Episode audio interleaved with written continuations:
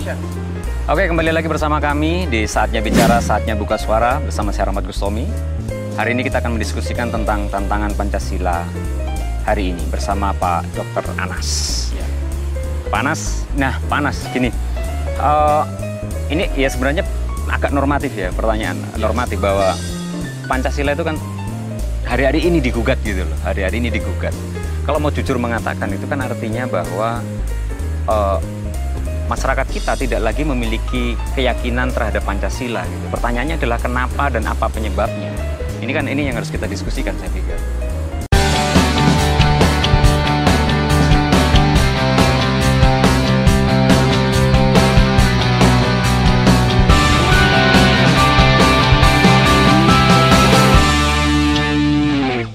Kalau melihat dari aspek sejarah sebetulnya kita bisa menyinggung problem masa lalu kita tentang bagaimana implementasi Pancasila ya di era Orde Baru yang terlalu menekankan pada penafsiran tunggal.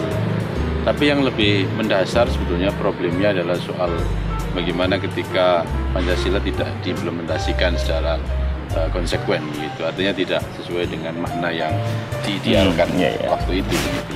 Nah, tapi gini, uh, itu kan kalau ngomong orde baru dan semacamnya, ya. teman-teman dari generasi yang milenial, bukan milenial, generasi ke bawah itu kan nggak ngerti itu, opo itu orde baru kan. Bahkan mereka ngomong-ngomong seenak zaman kuto gitu loh. Nah, artinya jangan-jangan uh, kalau kita ngomong ideologi, jangan-jangan benar-benar nggak fungsi itu. Kita ngomong tentang keadilan, banyak isu korupsi, banyak ini. Apa jangan-jangan problemnya itu bahwa orang yang seharusnya ini Pancasila itu justru malah nggak nggak Pancasialis. Para pejabat yang seharusnya menjadi motor Pancasila misalnya tidak Pancasila. Pasca reformasi justru lebih parah karena tidak ada guidance-nya, tidak ada semacam uh, proses ideologisasi secara baik. Orang kemudian secara bebas kemudian uh, tidak punya guidance-nya, arahannya dan kemudian dalam proses kehidupan berbangsa dan bernegara pun sama sekali tidak menghiraukan nilai dasar fundamental Pancasila itu. Tapi kalau ngomong guidance nanti ujung-ujungnya interpretasi tunggal lagi seperti di zaman Orde Baru. Nah ini kan problem-problem yang harus kita hadapi menurut saya. Ya. Uh, karena bagi saya kemudian ketika begini, ide tentang negara Islam Indonesia misalnya ya, itu kan sudah ada dari dulu tiba-tiba hari ini tenggelam terus hari ini muncul lagi gitu loh. Artinya jangan-jangan ada kebaruan perspektif di dalam di dalam Pancasila eh, di dalam negara Islam misalnya ya. Dulu sifatnya mungkin lokal state gitu sekarang menjadi global. Nah kalau saya tanya interpretasi kebaruan dari Pancasila itu apa? Atau itu justru yang tidak ada yang menjadi penyebabnya? Sampai hari ini memang eh, yang terjadi adalah keragaman interpretasi begitu dan kalau di ranah akademik kita tahu banyak para penafsir yang expert begitu, tapi kemudian ketika ini tidak diideologisasikan begitu, tafsir ini tidak disebarluaskan, maka kita juga tahu di era reformasi banyak orang yang menafsirkan juga secara sepihak sesuai dengan kelompoknya, bahkan sesuai dengan kepentingannya. Itu yang terjadi sebetulnya realitas hari ini. Berarti tantangan kita itu sebenarnya apa? Atau apakah nah ini kan kembali lagi ke pertanyaan tadi, kenapa kok ini sekarang diragukan gitu loh Pak? Kalau kita ngomong guidance nanti problemnya adalah dominasi, kemudian kalau ngomong ini nah anak muda ini mau ditawarin apa ini? Anak muda soal Pancasila. Itu ngomongin Pancasila itu kan berat itu. PPKN gitu kan iya. hafalan. Kira-kira yang yang yang crunchy dan crispy gitu loh. Ya pengalaman mereka dalam memahami dan menghayati Pancasila itu sebetulnya yang hari ini mestinya harus kita dorong. Ah. Bagaimana mereka memahami tentang Pancasila untuk generasi milenial ya. Tentu saja uh, kalau kita paksakan dengan guidance yang tunggal, yang besar itu mereka saya kira menolak begitu. Karena itu tafsirnya terlalu oke okay. mendasar. Jadi gini, kalau saya kalau saya garis bawah ya kira-kira uh, mungkin boleh jadi kita itu tidak perlu muluk-muluk menginterpretasikan Pancasila, Pancasila dengan kata-kata mutiara yang indah tapi tak bermakna gitu. ya tak? Lebih baik kita kemudian memberikan ruang bagi bertemunya insan-insan Indonesia kan gitu ya, kira-kira. Ya. Jadi biar mereka berdialog sendiri dengan alam mereka. Karena problem hari ini tantangannya kan begini, ruang-ruang kita itu kan makin eksklusif, iya kan? Yang seagama ngumpul seagama, kos-kosan aja sekarang ada agamanya, yang sesuku ngumpul sesuku. Kita kalau di Malang ini ngomongnya bahasa Malangan gitu. artinya, artinya ruangnya ini jangan-jangan yang kurang gitu. Ya, ruangnya kurang dan hari ini kecenderungan watak primordialisme bangkit kembali di ranah publik sebetulnya. Di samping juga problem fundamentalisme agama juga Hmm. ikut mewarnai ya dalam kebangsaan kita. Jadi saya kira memang ada banyak titik-titik persoalan yang hari ini menurut saya tidak bisa diselesaikan dengan model Pancasila yang dianggap maha itu. Dalam Hmm. arti orang kemudian harus patuh terhadap tafsirnya pemerintah itu, tapi harus kemudian membumikan atau berangkat dari realitas Saya kekinian. potong. Ini ada hubungannya nggak dengan kemajuan teknologi dan semacamnya. Artinya jangan-jangan Hmm. ini tuh muncul karena ruang-ruang nyata itu semakin berkurang. Jadi saya kumpul dengan orang semakin berkurang. Tapi ruang-ruang maya yang lahir itu bukan menjadi ajang untuk pertemuan tapi ajang untuk perkelahian secara tidak langsung kan enak ini kalau misuin orang lewat kalau kita misuin orang apa Iya. ngumpatin orang secara langsung kan orangnya langsung orangnya langsung balas kan kalau di dunia maya kan nggak ketahuan apakah itu juga kira-kira punya pengaruh ya sedikit Pan. banyak ya pasti kalau Oke. bicara tentang teknologi tapi dalam konteks implementasi Pancasila kan itu harus dimanfaatkan sesuai Nah, dengan kebutuhan kita hari ini, ini. sebetulnya ini ini berarti ada tantangan ada ini ada perubahan Zaman, ya. zaman dan kemudian eh, membawa efek pada tantangan-tantangan baru terhadap Pancasila artinya kita sepakat bahwa hari ini kita perlu interpretasi baru atau Oke. bukan reinterpretasi baru tetapi pengkayaan interpretasi pengayaan pengkayaan pengkayaan interpretasi ya. Kemudian em, yang kedua kita perlu mungkin tidak terlalu eh, banyak kata-kata manis, ya. Hmm. tetapi lebih banyak praktek-praktek bagaimana kemudian kita akan em, apa namanya membangun eh, imaji-imaji tentang Pancasila. Ya untuk, untuk generasi milenial seperti itu, tapi yang sebetulnya yang juga tak kalah menjadi sering kali terjadi gesekan di masyarakat itu adalah penafsiran-penafsiran antara kelompok itu yang berujung pada truth climb. Hmm, itu ya, ya, bagaimana ya. kira-kira Oke. kita menanggapi hal yang lebih Oke baik panas ya ini nanti kita lanjutkan lagi ya. Kita lanjut lagi setelah yang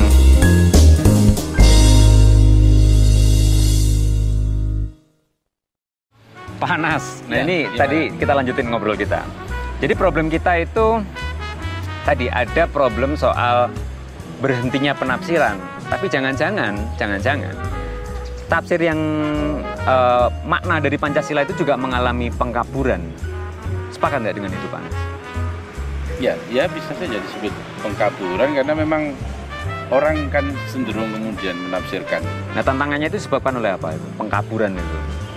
banyak eh, bisa karena faktor eh, apa global bisa Hmm. juga karena faktor eh, mengklaim pada diri sendiri yang paling benar Ah, begitu. ini ini menarik ini. Artinya kita itu eh, dari atas ditarik oleh tantangan global, ya, dari bawah kita ditarik oleh yang sangat lokal sangat gitu ya. lokal itu tantangan yang harus kita hadapi Oke, ini. kita kita kita kita bongkar satu-satu. Kalau global itu berarti tantangannya apa saja nih? Dari sudut pandang politik ada yang menarik menjadi satu eh, negara yang sifatnya universal Oke, di lapangan misalnya itu ya. ya dari sudut pandang ekonomi Oke, kapitalisme itu sifatnya global global. menggerus eh, Oke. aspek yang Nah, artinya begini, Luas. kalau ngomong Pancasila kemudian mengalami apa namanya? Perges bukan pergeseran tapi pembajakan makna jangan-jangan. Iya kan? bisa juga Artinya kalau kalau kalau Pak Anas tadi nyontoin gitu ya, misalnya itu berangkat dari Ah, pembajakan Mas. pembajakan itu kalau saya bayangin ya, eh, peringatan Hari Kartini sebagai contoh gitu ya.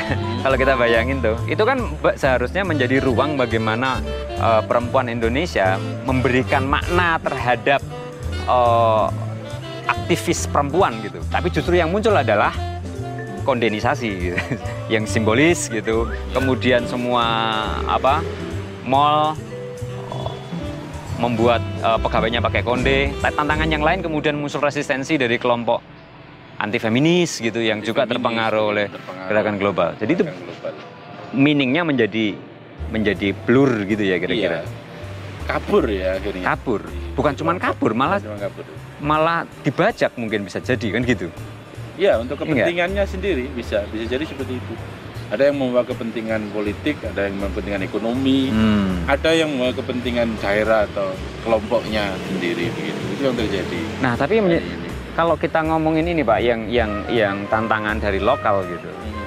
Kalau saya mau sedikit usil itu kan jangan-jangan mereka menafsirkan lokal, kenapa kelokalan itu bangkit atau Calvinisme itu bangkit, itu jangan-jangan karena apakah itu karena sistem kita dengan adanya oh hari ini ya seperti banyak raja-raja daerah ya, gitu ya. ya ataukah itu karena selama ini mereka merasa tidak diuntungkan oleh meyakini sebuah ideologi. Sebagai contoh nih gini nih, uh, saya nggak bayangin orang Papua mendefinisikan Pancasila atau Pancasila versi orang Papua. Ya. Itu kan jauh menarik loh Jangan-jangan bagi mereka Pancasila adalah punya jalan, gitu. ya. simple gitu kan. Sekali lagi, uh, selama tafsir dan implementasi Pancasila bersifat seragam atau penyeragaman, maka akan muncul chauvinistik atau kedaerahan yang memprotes eh, negara atau pemerintah dalam konteks ini, khususnya ideologi Pancasila. Mm -hmm. Tapi uh, yang harus kita pahami bahwa Indonesia ini harus ber, eh, bukan harus, memang berangkat dari kedaerahan yang pada ah. satu titik kan kemudian kita mampu melepaskan chauvinistik itu lalu kita bersepakat konsensus tentang keindonesiaan kita gitu. Tapi ketika kemudian setelah disepakati lalu ternyata kesepakatan itu tidak mampu diwujudkan begitu dengan baik, maka mereka tentu akan protes dengan mungkin dengan apa ya, gerakan-gerakan yang sampai mengarah pada separatisme. Itu tantangan dari sisi dari ya, ya, ya, menarik menarik. Bawah ya saya kira itu. Jadi yang saya pahami itu gini, kalau kita mau menafsirkan Pancasila itu itu bukan kemudian identitas itu dilebur dan kemudian ya. satu-satunya identitas dalam Indonesia. Identitas Tapi kita bayangin itu kayak jajan pasar gitu. iya kan? Jajan pasar itu ada onde-onde, ada, ada cenil, cenil, ada gitu ya. gitu. Mereka diakui satu-satu, tetapi tetap dinamain jajan pasar gitu. Betul. Ini beda dengan bakso kan? yang namanya bakso itu ya bakso gitu. Ketika pentolnya nggak pernah diakui eksistensinya, kuahnya nggak pernah diakui. Tapi jajan pasarnya, nggak, penyeragaman. Orang nggak bisa beli pentol saja, nggak bisa beli kuah saja kan. kalau jajan pasar kan beda. Betul, Orang bisa memilih dengan apa yang dia sukai. Ya, ya. Nah, kalau dibilangin tadi itu ya salah satunya karena kapitalisme juga, karena sistem ya. politik juga, karena ini ya. Oke, itu itu. Sampai ke sana tidak bisa dipungkiri, Mas mm -hmm. tentang bagaimana dominasi kapitalisme terhadap penafsiran Pancasila, mm -hmm. khususnya di bidang ekonomi begitu, mm -hmm. itu menggerus sisi norma keadilan yang sesungguhnya bersifat proporsional. Proporsional itu kan sesuai dengan uh, konteksnya masing-masing. Ya, Kalau ya, Papua ya. misalnya kekurangan di sini ya itu kita angkat begitu. Nah ini perlu nggak kita dorong teman-teman Papua untuk mendeskripsikan Pancasila Sangat versi orang Papua. Versi Wah wow, keren itu. ya kan? Dalam bingkai Pancasila kan. Nah iya tentu kan gitu. Kan selama ini kan versi yang kita dengar adalah, mohon maaf nih, versi Orde Baru, versi, Orde Baru. Versi para akademisi seperti Pak Anas, yang ngomongannya daki-daki itu. Versi kelompok-kelompok dominan. Atau iya kelompok dominan Pancasila bersyariah Pancasila gitu. Bersyariah itu Pancasila berinjil gitu. itu kan jadi problem kan kemudian. Ya, itu problem, ya. Tapi menurut saya sih nggak apa-apa, uh, mereka menafsirkan. Tetapi yang paling menarik adalah bagaimana supaya orang yang uh, vulnerable, orang-orang yang rentan, ya. orang-orang yang orang yang bukan minoritas ya bahasanya, ya. orang-orang yang tersingkirkan itu juga malah dikasih privilege untuk menyuarakan apa itu Pancasila. Iya. Pancasila versi orang gembel, boleh. Anak jalanan, mahasiswa kos-kosan yang gitu. belum bayar uang, belum bayar SPP. Misalnya begitu. Artinya mereka jangan-jangan punya mana Pancasila yang spesifik dan itu lebih substantif daripada omongannya daki-daki para filsuf Pancasila. ya betul Mas. Bisa, bisa, bisa. Kecenderungan hari ini kan kita harus mendengarkan itu yang selama ini tersingkir itu. Nah, ke, ke permukaan atau ke ruang publik ya. Ya bahasanya Gayatri itu sub, uh, let subaltern Let speak. subaltern Nah, speak iya ya. kan? Mari subaltern berbicara. ya. Berbicara, kenapa mereka di, harus berbicara? Karena mereka itu adalah kalau eh, dikasih ruang ngomong aja belum tentu ngomong. Iya. Iya kan? Apalagi nggak dikasih. Apalagi dikasih ruang gitu. Maka pilihan pentingnya adalah kasih ruang. Kasih Nah, ruang. Oke, kita sepakat di sini. Saya kira itu. Ya. Baik teman-teman, kita lanjutkan lagi setelah yang satu ini. Terakhir nih. Terakhir Ini penting ini. Penting buat kita semua. Terus sobat, kita harus ngapain ini? Ya. Bentar dulu saya potong. Ini kan Gimana? apakah perlu kita membentuk lembaga baru yang kemudian bertugas untuk menemukan Pancasila? Wah, ada ini proyek saja. Wah, tapi pertanyaannya itu loh, memang kalau ideologisasi di proyekan itu nggak bisa, Bo. Eh, poinnya adalah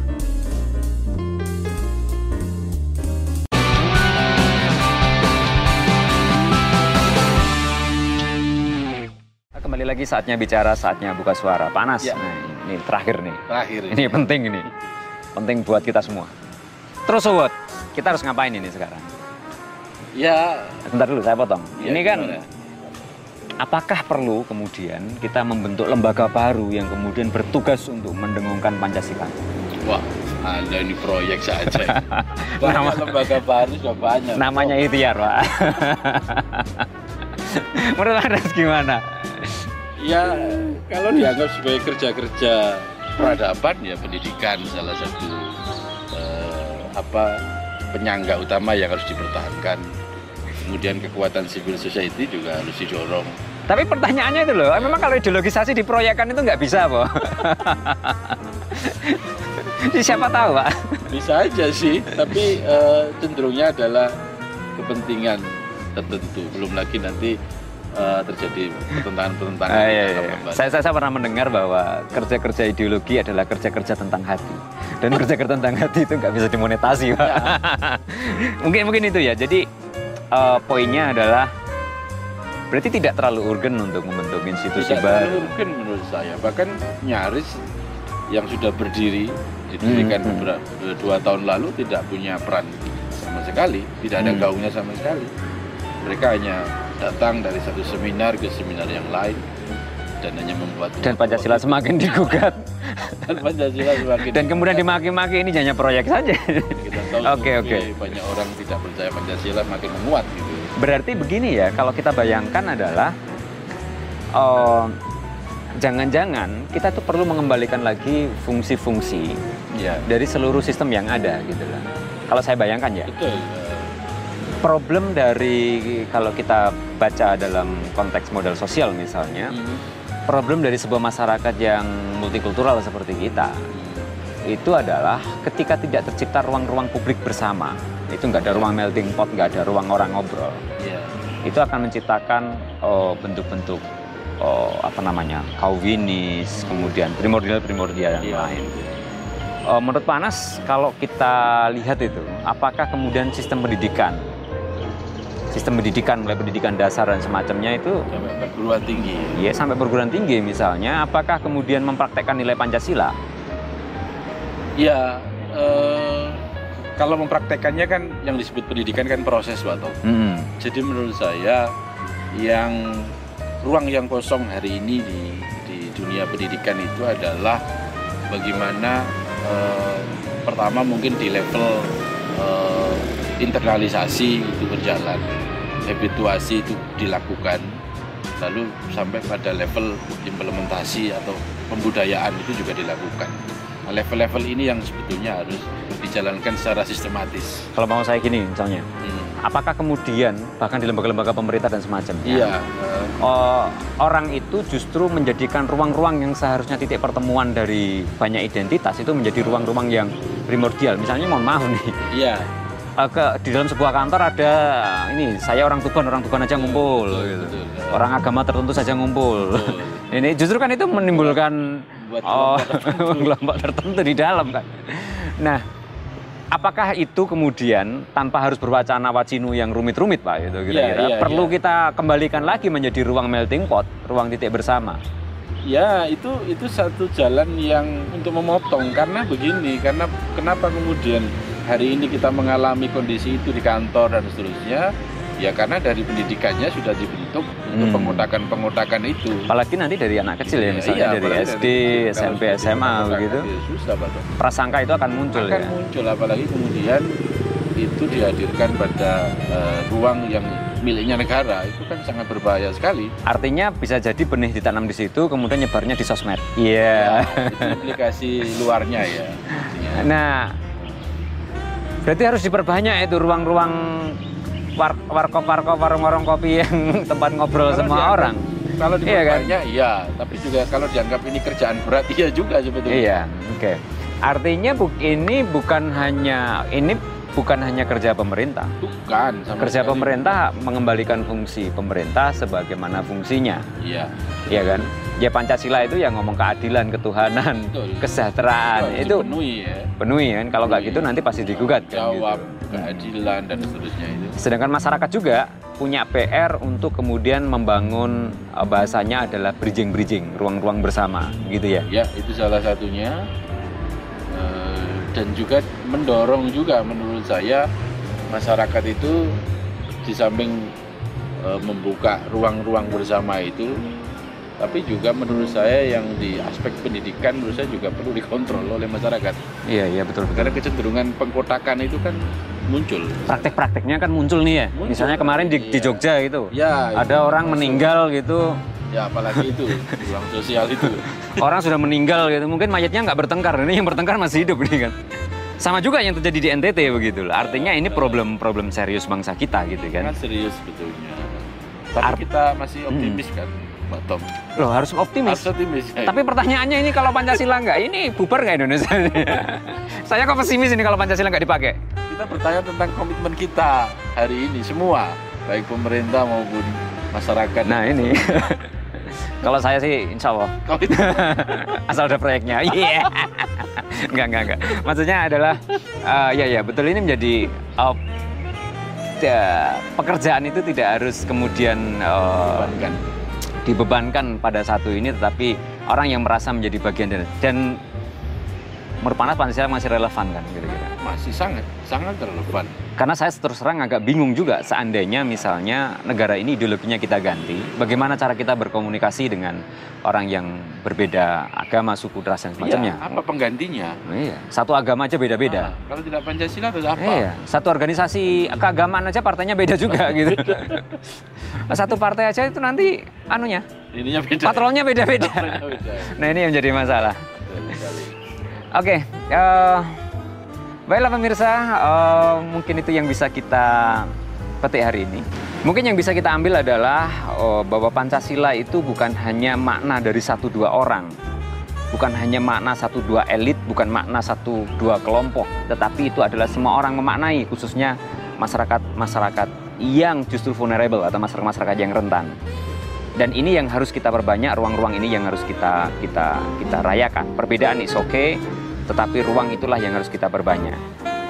Eh, saya Rahmat Gustomi berserta kru yang bertugas pamit undur diri. Jangan lupa tetap saksikan saatnya bicara, saatnya buka suara selanjutnya. Matur Pak.